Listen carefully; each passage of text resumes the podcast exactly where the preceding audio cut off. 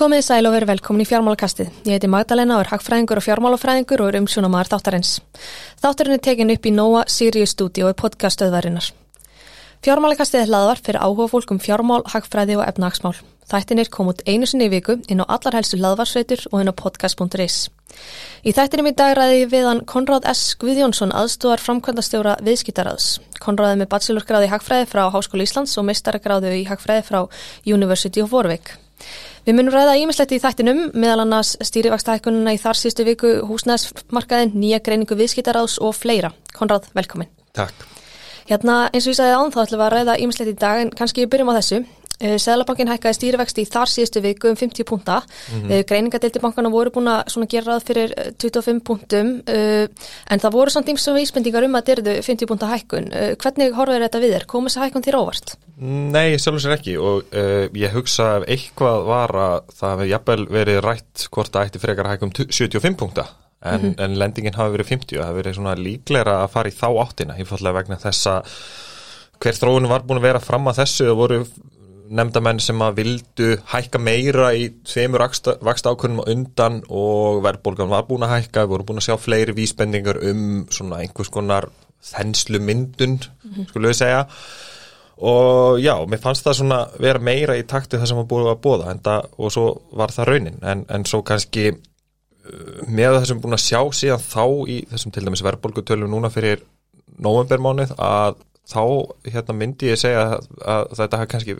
verið bara ágætt að vera ekki verið að fara upp í 75 punkta því að verðbólgan var minni en uh, greiningar alveg voru spá þá, hvað er 4,8% þeir voru spá 5,1% og svo líka það sem er svo merkilegt í þeim tölum að, að það búið að endar upp og vera að tala um það að verðbólgan hún er að fara upp og það er að hækka verða þessum innflutningi og þetta hérna þessi þjónustar eru svo dýr og svona og þú veist það er bara að vera að taka saman náttúrulega bara, það er vissi liðir að hækka mikið, það er ekki það en það er greinlegt að það er ekki allir liðir og mm -hmm. niðurstanir svo frá því sumar að verðbólgan fyrir utan húsnæðisliðin mm -hmm. eh, hún er bara á fínum stað hún er bara rétt yfir markmiði svona eitthvað, hún er verið eitthvað svona bara, hvað sem að þjónista, innflutt vara, innlend var vörur allt svona í kringum 3% sem að er, þú veist ég myndi segja að það sé kannski ágætismerkjum það að við vonandi náum að komast í gegnum þessa þróun sem við sjáum Erlendis og þennars, það er sannarlega verðbólguð þrýstingur að koma frá Erlendis frá og svona hagkerfið að komast alltaf betur og betur að stað að, að þetta er svona vísbendingum það að það gæti tekist á þess að verðbólgu draugurinn gamli fari aftur stað en það er kannski, það er samt um leið allt og snemt að fara að fagna því núna Einmitt. Hérna eins og þú nefndir það er sem mikla verðbólga tilkomin vegna þess að húsnæðsliður eru inni uh, væri tilbóta að taka nút? Uh, sko ég Ég er ekki alveg vissum að verði bóta að taka hann algjörlega út. Ég held að þetta fari frekar eftir því hvernig þú tekur tillit til bara búsetunar í eigin húsnæði. Ég held að veist, það að taka allan húsnæðislegin út með öllu sem í honum fælst, það kemur ekki til greina myndi segja. En að breyta því hvernig þessi vara sem er bæði eign og nesluvara sem að og skapar þá þessu umræðu hvort hann eigi að vera þann inni eða ekki. Ég held að seti bóta að, að áhrifin komi kannski aðeins hægar inn eða að einhvern veginn öðruvísi taki til til hvað fólk er raunverulega greiða fyrir búsett í eigin húsnaði eða eitthvað slíkt og uh, já uh, veist, uh, og, og þetta er umræða sem er víða, meina í, í Evrópusambandinu þá verður að ræða það hvernig koma húsnæðislið og taka tillit til búsett í eigin húsnaði inn í vísitöluna þar þannig að ég, ég, ég veit ekki en, en ég held að, að, að, að sko hvað, hún er dominerandi í verðbólgunni sem kannski ekki endilega gott Heimitt. Hérna ég rætti við hann Jón Björka alhagfræðing Íslandsbanka í sjómanstættinu markaðin í, síðust, í þar síðustu viku og þar segðan með annars að áhrif þessara vakstahækunar gætu komið til til að hratt inn. Hvernig ertu sammála því eða hver tilur þú að áhrifin verði? Uh, ég held að verði svona nokkur neginn bara skólabóku dæmi, hugsa ég sko. Uh, Já, þetta gæti svo sem komið nokkur hrattinn fyrst og fremst út af því hvað hérna þetta hefur meiri áhrif á neytindur heldur en vanulega þeir finna þetta fyrr þegar núna bankanir fara að hækka breytilegu vextina.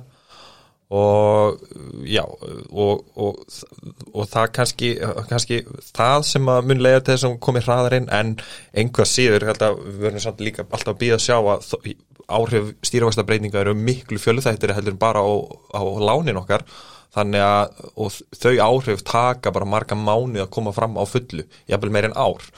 Þannig að svona, já og nei, kannski eitthvað, eitthvað hraðar en einhvað séður eflaust nokkuð hægt eins og sagðan kannski sínur okkur. Já, hérna í kjölfar stýrivægsta ákvörðanirinnar þá heldur þið peningamálafund viðskiptaráðs, það sem Já. meðal annars Áskir Jónsson, selabankastjóri, held erindi. Mm -hmm. uh, ég held að segja á þetta að segja, Áskir var svona bæði á fundi selabankans og ykkar fundir svona frekar harðórir, bæðikar verkalýsreðingarinnar og samtaka atvinnulífsins. Já. Hérna, hann sagði meðal annars að hérna, samtaka atvinnulífsins, sagði beinum orðum að samtaka atvinnulífsins hafi einfallega samið af sér, tilur að það sé rétt mati á selafangastjóra?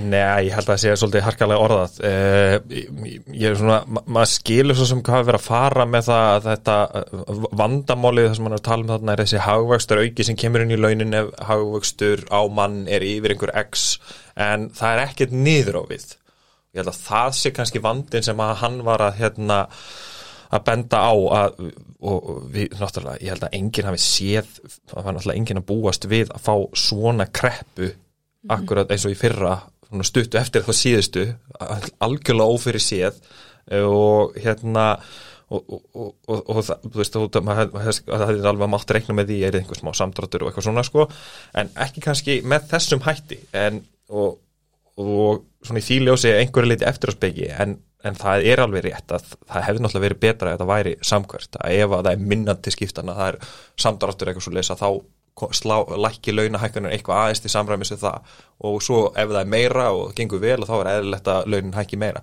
Þann, þannig grundvallar hugmyndin með þessum hagvægsturhauka er ofbúslega góð. Þannig að ég held bara kannski að þau eru bara að taka lærdom að því og þá þróa áfram. Þannig að sé þá samkverfur fyrir það að þessi ekki bara maður sletti uppsætt að líka geti farið í hináttina til þess að lendum gísar fáranlegu stöðu að, að það að ef, ef það hef ekki komið þessi kreppa þá hef ekki komið hafgæstrauki og landsframhersla mann væri miklu herri en hún verði núna.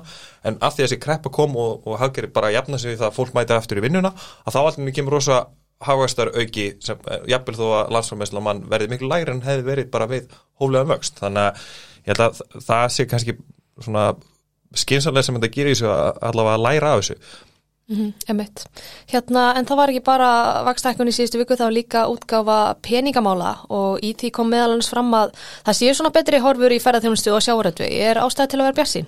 Já, ég hugsa það, reyndar það var náttúrulega áður en þetta nýja afbreyði sem að allir eru að missa yfir en hérna, ég veit að ég held að maður þurfum bara svolítið að anda með nefinni við því. Ég hann búin að koma ansi marga frettir og maður er svona svolítið vanu því að þetta sé allt saman upp og niður, þannig að við skulum bara býða sér á hvernig það fer, mm -hmm. en ég held svona heilti yfir að sé, sé horfinu bara með ágætum. Uh, er svona almennt séð virðist svona þú veist, maður horfur efnaðarshorun á Íslandi, þetta er svolítið mikið bara undir okkur komið, sko, við mm. erum með öll tækifærni í höndunum, það er svona okkar að klúðraði fyrst og fremst, sem er öfundsverð stað til að vera í. Emitt, var eitthvað í peningamálu sem svona vakti sérstaklega aðtigliðina? Eh, Kanski bara tengt því að náttúrulega yfirskriftin með fundinum var, er vinnumarkaðarinn týndi hlekkurinn og þá náttúrulega fórum að beinta í skoða hvað það var að segja um, um launahækkanir og kannski það sem að sló mér svona mest að það var búið að taka hagvöxturaugan inn í þessar launahækkana spár hjá þeim og þar lítur út fyrir að laun hækki á, á framleita einingu hækki um 5-6% næstu árum hvað þýðir þetta? Uh, það þýðir það að laun eru að hækka um 3% með meira umfram það sem samrýmist þessu verðbólgumarkni til lengri tíma. Mm. Það getur að koma ár það sem laun hækka svona mikið en málega það að þess laun á Íslandi hafa 11, 10 af síðustu 11 árum hækkað svona umfram þetta.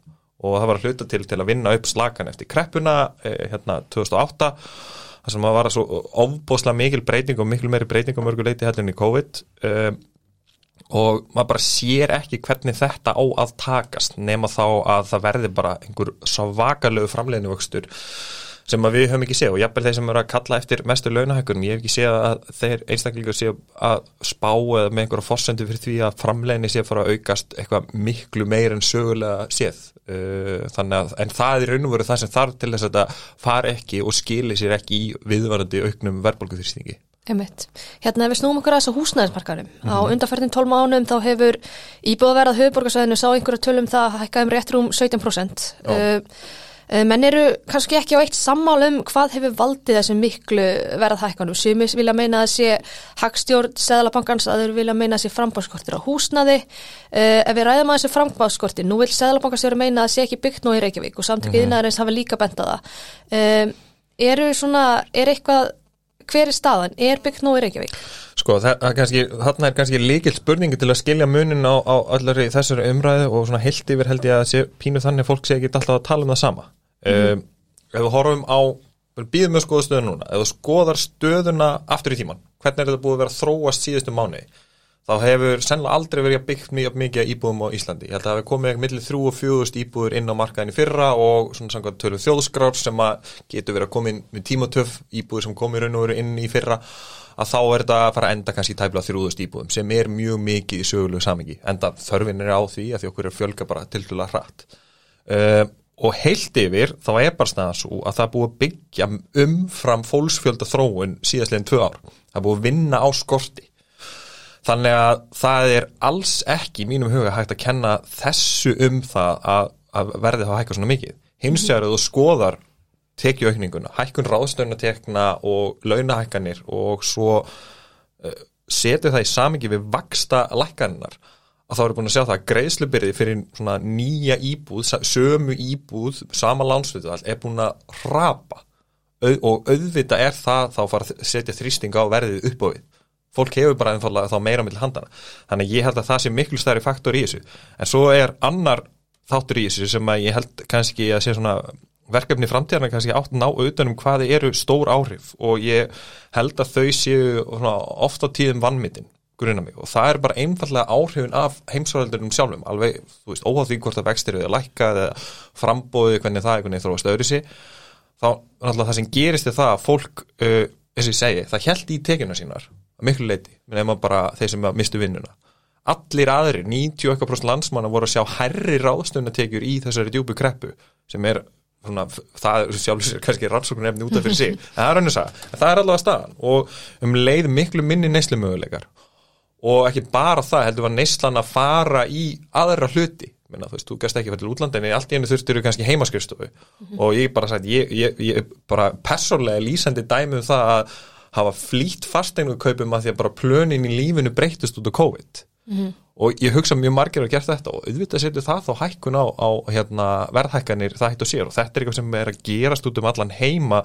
Fólk er tilbúið að borga fyrir stærra húsnæði vil frekar einbita sér að því að fjárfesti í húsnæði að því að það er bara færri kostir í stöðinni og það sé miklu leiti að kera áfram hækkanir. En eins og ég, það hversu mikið það er með við hína þættina, það er annað. En svo það sem að koma aftur að þessi með frambóðið að það sem hins vegar sjáum og er alveg rétt að það virðist vera að það verði byggt oflítið á næstu missir það sé oflítið að nýju húsna að koma inn og bara ef maður skoður eins og áallanir HMS uh, samtaka einarins og fleiri þá er það oflítið það er svona einhvað náttúrulega erfitt að segja til um það og Sælabankin er svona aðeins bjart síðan á íbúðfjárfæsningun og svona en gott og vel. Og en kannski eitt sem fann mann meira til að halla staði að verði frekar oflítið byggt ekki, mm -hmm. ekki kannski, ég held að vera valla á sama skala þetta var kannski 2015-16 það var allt og allt og lítið byggt en það er það núna á síðasta öðrum ásköðungi held ég að veri, frekarni þriðja eða þriðja, maður það ekki, nákvæmlega mm -hmm. en allavega þá var, held ég, sko annar eða þriðji mest í flutningu til landsins frá upphafi meirinn í hápunkti ferðarmannarseflunar þannig að ef að það er eitthvað sem heldur áfram að fólk fara að flytja til landsins í rönnum að þá Uh, held ég að segja ekki vafa á því heldur, þá held ég að nokkur niður líki fyrir að það þurfu byggja meira og hraðar og þannig að það eh, svona, vonandi er það að gerast og mun það gerast þannig að þetta verði ekki alveg ja, ofbóslega söflukent og hérna síðastleginn fimm ár En hver er svona þín spá? Hvernig telur að húsnæðisverminu þróast á næsta árum? Uh, ég ætla ekki að segja á næstu árum að það fyrir náttúrulega rosalega mikið eftir þessu og en mm -hmm. ég hins vegar svona held að það líti út fyrir það að við séum ekkert að fara að sjá neitt fyrir endan á þessum röðu einst tveggja prosenta hækkunum millir mánaða fyrir einhver tíman í byrjun næsta árs. Mm -hmm. og af hverju segir það? Jú, það er vegna þess að það er ennþá bara ekkert sölu frambóð, nánast. Ég segi rosalega lítið. Það er bara nokkrar íbúðu sölu í hverju hverfi ef eitthvað er. Og, það, og góðar íbúðu fara strax. Svo er það hitt að ásettverð það er búið að trenda rosalega rætt upp á við núni í haust. Og núna bara á einum mánuði held ég innan við, já svona 20 dögum núna er búið að hækka um 20% fyrir svona sambærilegir íbúðir. Og það er að fara að koma þá fram í verðhækkunum setna um, náttúrulega kannski ásett verði er ekkit endalegt söluverð, þetta gefur ákveðna vísbendingum það að það sé kannski ekkit endalega hægja á en það mun hægja á á endanum. Og það mun, ef þetta verður eins og 2017 þá svona lendu verðhækkunar eiginlega hálfpartin vegg, það bara hætti að hækka verðið. Ef, ef það sem byrjast fyrst er það allt henni fyrir söluframbúð aukast hægir á veldunni og þá bara lenda hérna, verðin á vegg og það bara hætti, hættir hún að vera hækkaðana í nokkra mánu, en hækkaði mjög lítið.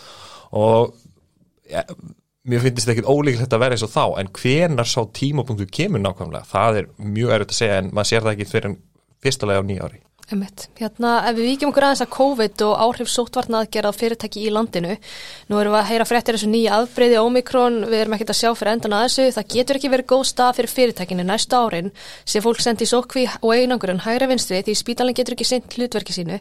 Hver er afstæða viðskiptaráðs eða þín skoðun í þessum efnum? Uh, hún er svona einfallega svo að það þurfa að gæta ákveðins meðalhófs í þessu uh, kannski sérstaklega þar sem að uh, þetta er búið að vara svona lengi að ég held að við þurfum að reyna, setja alla áherslu á það að reyna að geta lifa lífinu helst bara uh, að mestuleiti og helst algjörlega bara uh, eins og veist, allt sé eðlilegt og þú getur gert það sem þú vilt farið á þá tónleika sem þú vilt og þetta sé ekki þessar, allar þessar takmarkanir og, og svona þessu stránga sótkví og ég svona teka mörguleiti undir það sem eru bent á með heilbyðiskerfi af hverju við komum núna næst í tvö ára af þessu og það er einhvern veginn ekkert verið bætt í afkasta getuna þar. Og það er kannski líkur hundurinn svolítið grafin ég hef ekki svörin á því hvernig best að gera það en ég held að það sé svona líkilatri og kannski líka bara svona almennt sé menna það er búin að vera svona lengi þessari stöðu að kljástu þetta þú verður einhvern veginn að fara þá getur ekki verið alltaf einhverju neyðar stjórnun endalust í mörg, mörg ár því að mm -hmm. hver veit, kannski verður við að kljástu þetta í mörg, mörg ár og þá held ég þurfum bara að gera einhvern veginn öðru í sig. Algjörlega, bara svona að lifa með verunni hérna, uh, nú þegar þessi dáttunum tekinu upp er lögadögur á morgun sem mm -hmm. undag verður nýjir ríkistjórn mynduð hver er helsta svona hver er helsta áskorunum, hvað er það svona að nýjir ríkistjórn þarf að leggja á þegar kemur ríkisfjármálum og efnahagstefni? Uh, ég held að það verði svona ó, sko, ég ég held að verði svolítið mjög krefjandi að takast á svona þessar svona vissuleiti kannski svipa var, bara á ríkisfjármáli sko, kannski svipust að og Sælabankin er í að, að hérna, aðgerina sem eru búin að vera í undarfarið upp og það koma haggerina aftur á stað og örfa allt hafa í raun og veru svín virkað. Þannig að það er það gengur vel og það allir svona flesti bara sátti með það en, en það getur verið erfitt að vinda ofan að því og reyna að kom fara aftur í svona eðlera horf. Þess að við sjáum bara við aðstöðna því að Sælabankin hækki vextu upp í 2% sem eru mjög látt enga síður. Uh, alveg óþá því hvort það er rétt ekki bara ef maður hugsa svona út í viðbrun og ég held að þetta getur verið svolítið áskorun í ríkisfjármálunum því að það skortir svo sannlega ekki á viljandi þess að sækja aukin útgjöld þarna og hér og svo framvegis og framvegis en svona þetta þarf saman, allt saman að spila saman einhver jafnvægi til dæmis upp á verðbólgun og upp á gengistöðulegan svo framvegis. Þannig ég held að það að einhvern veginn þurfið svolítið sterk bein í að standa svona fastu svolítið vel á því prinsipi að við förum ekki fram úr okkur í sem vonandi bara er að fara snúast yfir í velgengni og hérna til þess að hún sé þá viðvarandi og við höfum borð fyrir báru þegar hlutinni klikka aftur því að það munu koma kreppur og áföll í framtíðinni og engi veit svo sem hvernig það verður. Þannig að já, ég held að það sé kannski svona stóra myndin Mitt, hérna, í sístu viku þá gafuðu þið hjá viðskiptaráðu út uh, svona áhugaverð greiningu sem hétt er atvinnurekstur hins ofinbæra náttúrulegumál. Segð mér aðeins frá inntaki þeirra greiningar. Uh, þetta er raun og veru vissulendi uppfæsla með nýrri og betri gögnum á greiningu sem að viðskiptaráðu framkvæmdi í 2016 sem heit Ísland OHF og það sem við erum að gera þetta er að taka saman gögg sem að eru raun og veru hverki til ofinbærla og það er um Uh, ekki ofnbæra starfsmenn, það liggur alveg fyrir hvað eru margir ofnbæri starfsmenn og stöðugildi og menna til dæmis uh, ríki, hérna, ríki til dæmis eftir fyrirmyndari því núna að byrta stöðugildi bara niður á stopnarnir, mjög hérna góð vinna En þegar kemur að hérna uh, ríkis fyrirtækjum þá er einhvern veginn minna verið talað um það en það er samt, þegar uppi staði er það bara vinna fyrir í, eigu sagt, okkar, uh, fyrir fyrirtæki í eigu okkar skattgreðenda alveg svo þessar stopnarnir sem að er undir hinn ofnbæri eigu skattgreðenda. Þannig við tókum þetta saman og svona stóra myndin frá 2016 er horfið fram hjá því að í viðskiptaböngunum er alltaf búið að fækka fólki talsvert að ef þú horfið fram hjá því þá er breytingin sára lítil á fjölda stöðugila sem að er svona og fjölgar lítilega en sama tíma almennt á engamarka hefum þeim fækkaður um 1% með 2016-2020 og þetta er náttúrulega mjög misendið stofnir það sem mér finnst að tvent í raun og veru svona maður pikka eitthvað út til að skilja svona hvað vorum að skoða og hvað svona er aðeinsvært það er tvent sem er mjög aðeinsvært mjög, mjög aðeinsvært að átíða verð hafi fjölgað stöðugildum um 14% á meðan sko smásölu geirin almennt þá var störfum held ég lítilega fækka á sama tíma. Ég á mjög bátt með að skilja það af hverju það er einhvern veginn allt öðnur þróun þannig átíða verð og svo líka sjá til dæmis eins og húsnæðis og man, mannverkstofnun sem er afkvæmi gamla íbúðalónusjóðs og mannverkstofnunar að það er nánast sami stöðugildafjöldi í nýri stofnun og var í þeim tveimur í síkóru lægi jafnvel þó að hefði verið tekinu hluti til verkefni út úr þessari nýju stofnun. Og mér finnst það skjóta svolítið skökku við og ég held að sé eitthvað um hundrað og eitthvað stöðugildi þarna í þessari stofnun Þannig að já, það, það komir svolítið óvart og svo maður setur þetta ennþá stærra samengi og bætir við þessar skoðar sko, ofnbæra atvinnfyrirtækin og, og svo líka bara hýð ofnbæra, landsbítalinn, skólanir, allt þetta þá er þess að stað að frá 2016-2020 hefur ofnbæru starfsmönnum fjölgað um 14%, fækkað um 1% í engagerinum. Jú, COVID hefur þannig náttúrulega rosalega mikil áhrif en þetta er þróun sem var byrjuð frá 2017 til 2019 og á þessu ári til dæmis er búið starfsmönnum búið að fjölga um 2% þannig að maður segja COVID fyrir bara ígið þetta, ígið mhm. tölunni skal við viðkenna það en, en ég breytir alls ekki stóra trendin í þessu. Nei, til að vera segja pólitískur vilji til að draga úr atvinnræksinni stofnbæra Sumstaðar og þú veist, á sumum sviðum, ég held til dæmis að mig alveg segja að það hefði myndast ákveðin þvers pólitísk samstæða núna í síðustu viku þegar hérna átíðaferr hérna, hérna ákvað að opna nýja verslun í miðbænum samt eiginlega ekki í miðbænum og Já, langt frá sko þar sem að fólk sko gengur hvað mest á Íslandi þar er ekki á hérna vín, vínbúð sem er einhvern veginn ótrúlega mikil kjaltani örlagana og maður sá marga verið að tjá sig um það alveg þau verðt á flokka heyrið, nei, nú er bara gott í búðið með þetta. Núna fáum við loksis vínibúðir. Já, nei. þannig held að þessi ágættis viljið vilji þar og veist, sjálfsagt á fleiri sviðum, veist, við erum ekkert á því að það er ríkið að selja allan ofnverðan atvinnuregstur minna, sumstar eru, veist, þetta fer eftir aðstæðan hverju sinni, sumstar er bara hreitn og kláður markarsprestur og þetta er mikilvæg starfsemi í raun og verið engin annan ríkið sveitafjölu geta sinn, en svo í öðrum tilfellum eins og átjáfer, bankanir hluti af, af starfsemi til dæmis rekstur fríhafnar og alls konar svona sem er bara algjör óþarfi að ríki og sveitafjölu sé að standi og ég held bara að þau eigi alveg fullt í fangi með það að hugsa um alla þá aðra mikilvæg þjónustu sem ég held að við séum næla flest öll sammála um að þau þurfa að sinna vel og ég held að það betra, betur á því að myndi bara einbita sér af því. Mynd nákvæmlega, hérna svona í lókþáttar þá spyr ég svona spurninga persónulunótum, en ég ætla kannski að byrja Já. að spyrja að þú tilkynntir núnum daginn að það væri að hætta sem aðstöður framkvæmtastjóri viðskiptarafs, uh, ég held ég tali fyrir hönd margra þegar ég segja að við munum sakna þér, nú er ofin fyrir umræði, hérna hvað mynd taka við hjá þér, getur þú gefið eitthvað upp um það? Nei, ég get eiginlega ekki gefið neitt upp um það, en, en, en nema bara það, ég bara ítreka það, það eru spennandi tíma framöndan og uh, þetta skýrist vonandi svona, á allra næstu dögum en bara að sjá til Já, ok. Hérna en kannski spyrjið bara hvað er draumastarfið? Eða bara mættir alveg ræða hvað staður þú fengir? Vá, wow, ég veit það ekki þú setjum mig á spottin þannig sko. ég, ég, ég veit að ég held að það erði alltaf einhvern veginn tengt hackfræði mm -hmm. einhver staðar kannski maður hefur svona meiri raunverulega áhrif en maður hefur bara gargandund í tómi að vinna fyrir samtök, sko, félagarsamtök mm -hmm og þú veist svona að vera svona að sjá stóru myndinu eitthvað svolítið, ég veit ekki Sælabankastjóri, það er kannski svolítið færstaðagent ég þarf að fara í doktorsnám fyrst. Já, hérna, uh, hvað finnst þið skemmtilegast að gera eftir unni? Uh, það er nú misend, ég er búin að vera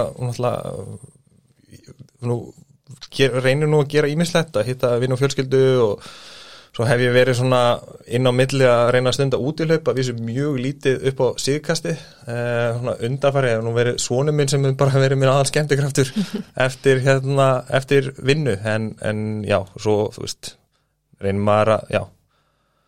Nýta ferðast og svona en, vissu, en þá eftir að koma því öllu í gang aftur núna eftir COVID og svo hef ég alveg ótrúlega gaman af stangveið, reyna að stunda það og skreppa svona á sömrin, það er kannski meiri túrar, minna skrepp eftir vinnu. En já, það er bara mjög mísjönd, ég held að það sé ekki eitthvað sem bara til, tildulla típist svona öðru leiti. Nei, nei, er einhver bók sem myndir mæla með fyrir hlustundu fjármálakassins, kannski um hagfræði eða eitthvað slíkt, eða eitthvað allt annað bara? Góð spurning, ég er ekki búin að vera alveg nógu duglegur að lesa upp á síkasti ég, ég er að, að reyna að komast í gegnum bókina Obama þess að dana sko. Mm -hmm. með mjög löng. Uh, svona, so far so good sko. Reynda, svona, maður lesa hann að gruna í trúi eiginlega ekki að einhver, einhver geti muna eftir svona miklu að æfin sinni en enga sér mjög skemmtileg og, og fróðuleg lesning sko. Uh, ég veit ekki þess að kannski nefnt veist, bækur ég veit allavega svona, ég hef nefnt tvær bækur sem hafa haft svona ég veit ekki hvort það hefði mestu áhrifur á mig mm -hmm. allavega það mikil áhrif á mig að það koma fyrst í byggugan fyrsta lagi Factfulness sem hann hérna Gunnar Dóri fyrir kollegið minn þýtti sem raunvitundur í íslensku. Uh, sá þangagangur sem er þar er, finnst mér ótrúlega hjálplegur í því bara að meika eitthvað sensi í þessum heimi og missa ekki vitið basically bara það að, að svona aðeins svona, svona um, hérna svona einhvers konar svona hvað er þetta að kalla aftur? Núvitund bara þegar þú gagvart upplýsingum. Það er ótrúlega hjálplegt og svona ákveðna svona þumálputareglu sem gott að hafa. Og svo er það önnur bók sem kannski svona tengist svona taldum sem maður ætla að vera, stór sko, ég ætla alltaf að, að, að svona drauma starfið, drauma starfið var einhvern veginn alltaf að vera svona, var á tímabili einhver staðar svona alþjóðnum vengtfangi tengt þróunamálum og slíkt allavega um stuttar híð og svona tengt því þá hérna las ég bók sem heitir Why Nations Fail mm.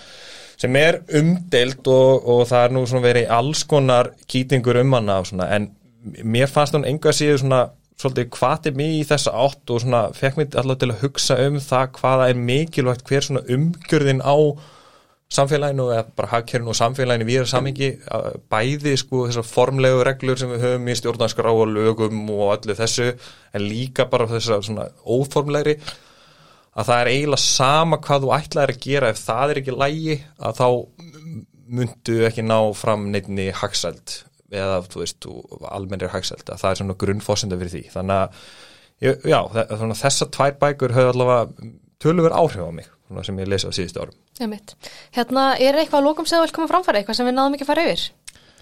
Nei, svo sem ekki, sko uh, ekkert sem ég, hérna mann eitthvað sérstaklega eftir sko, ég held að við erum búin að kofra það ansið ansi margt sko. Já, já.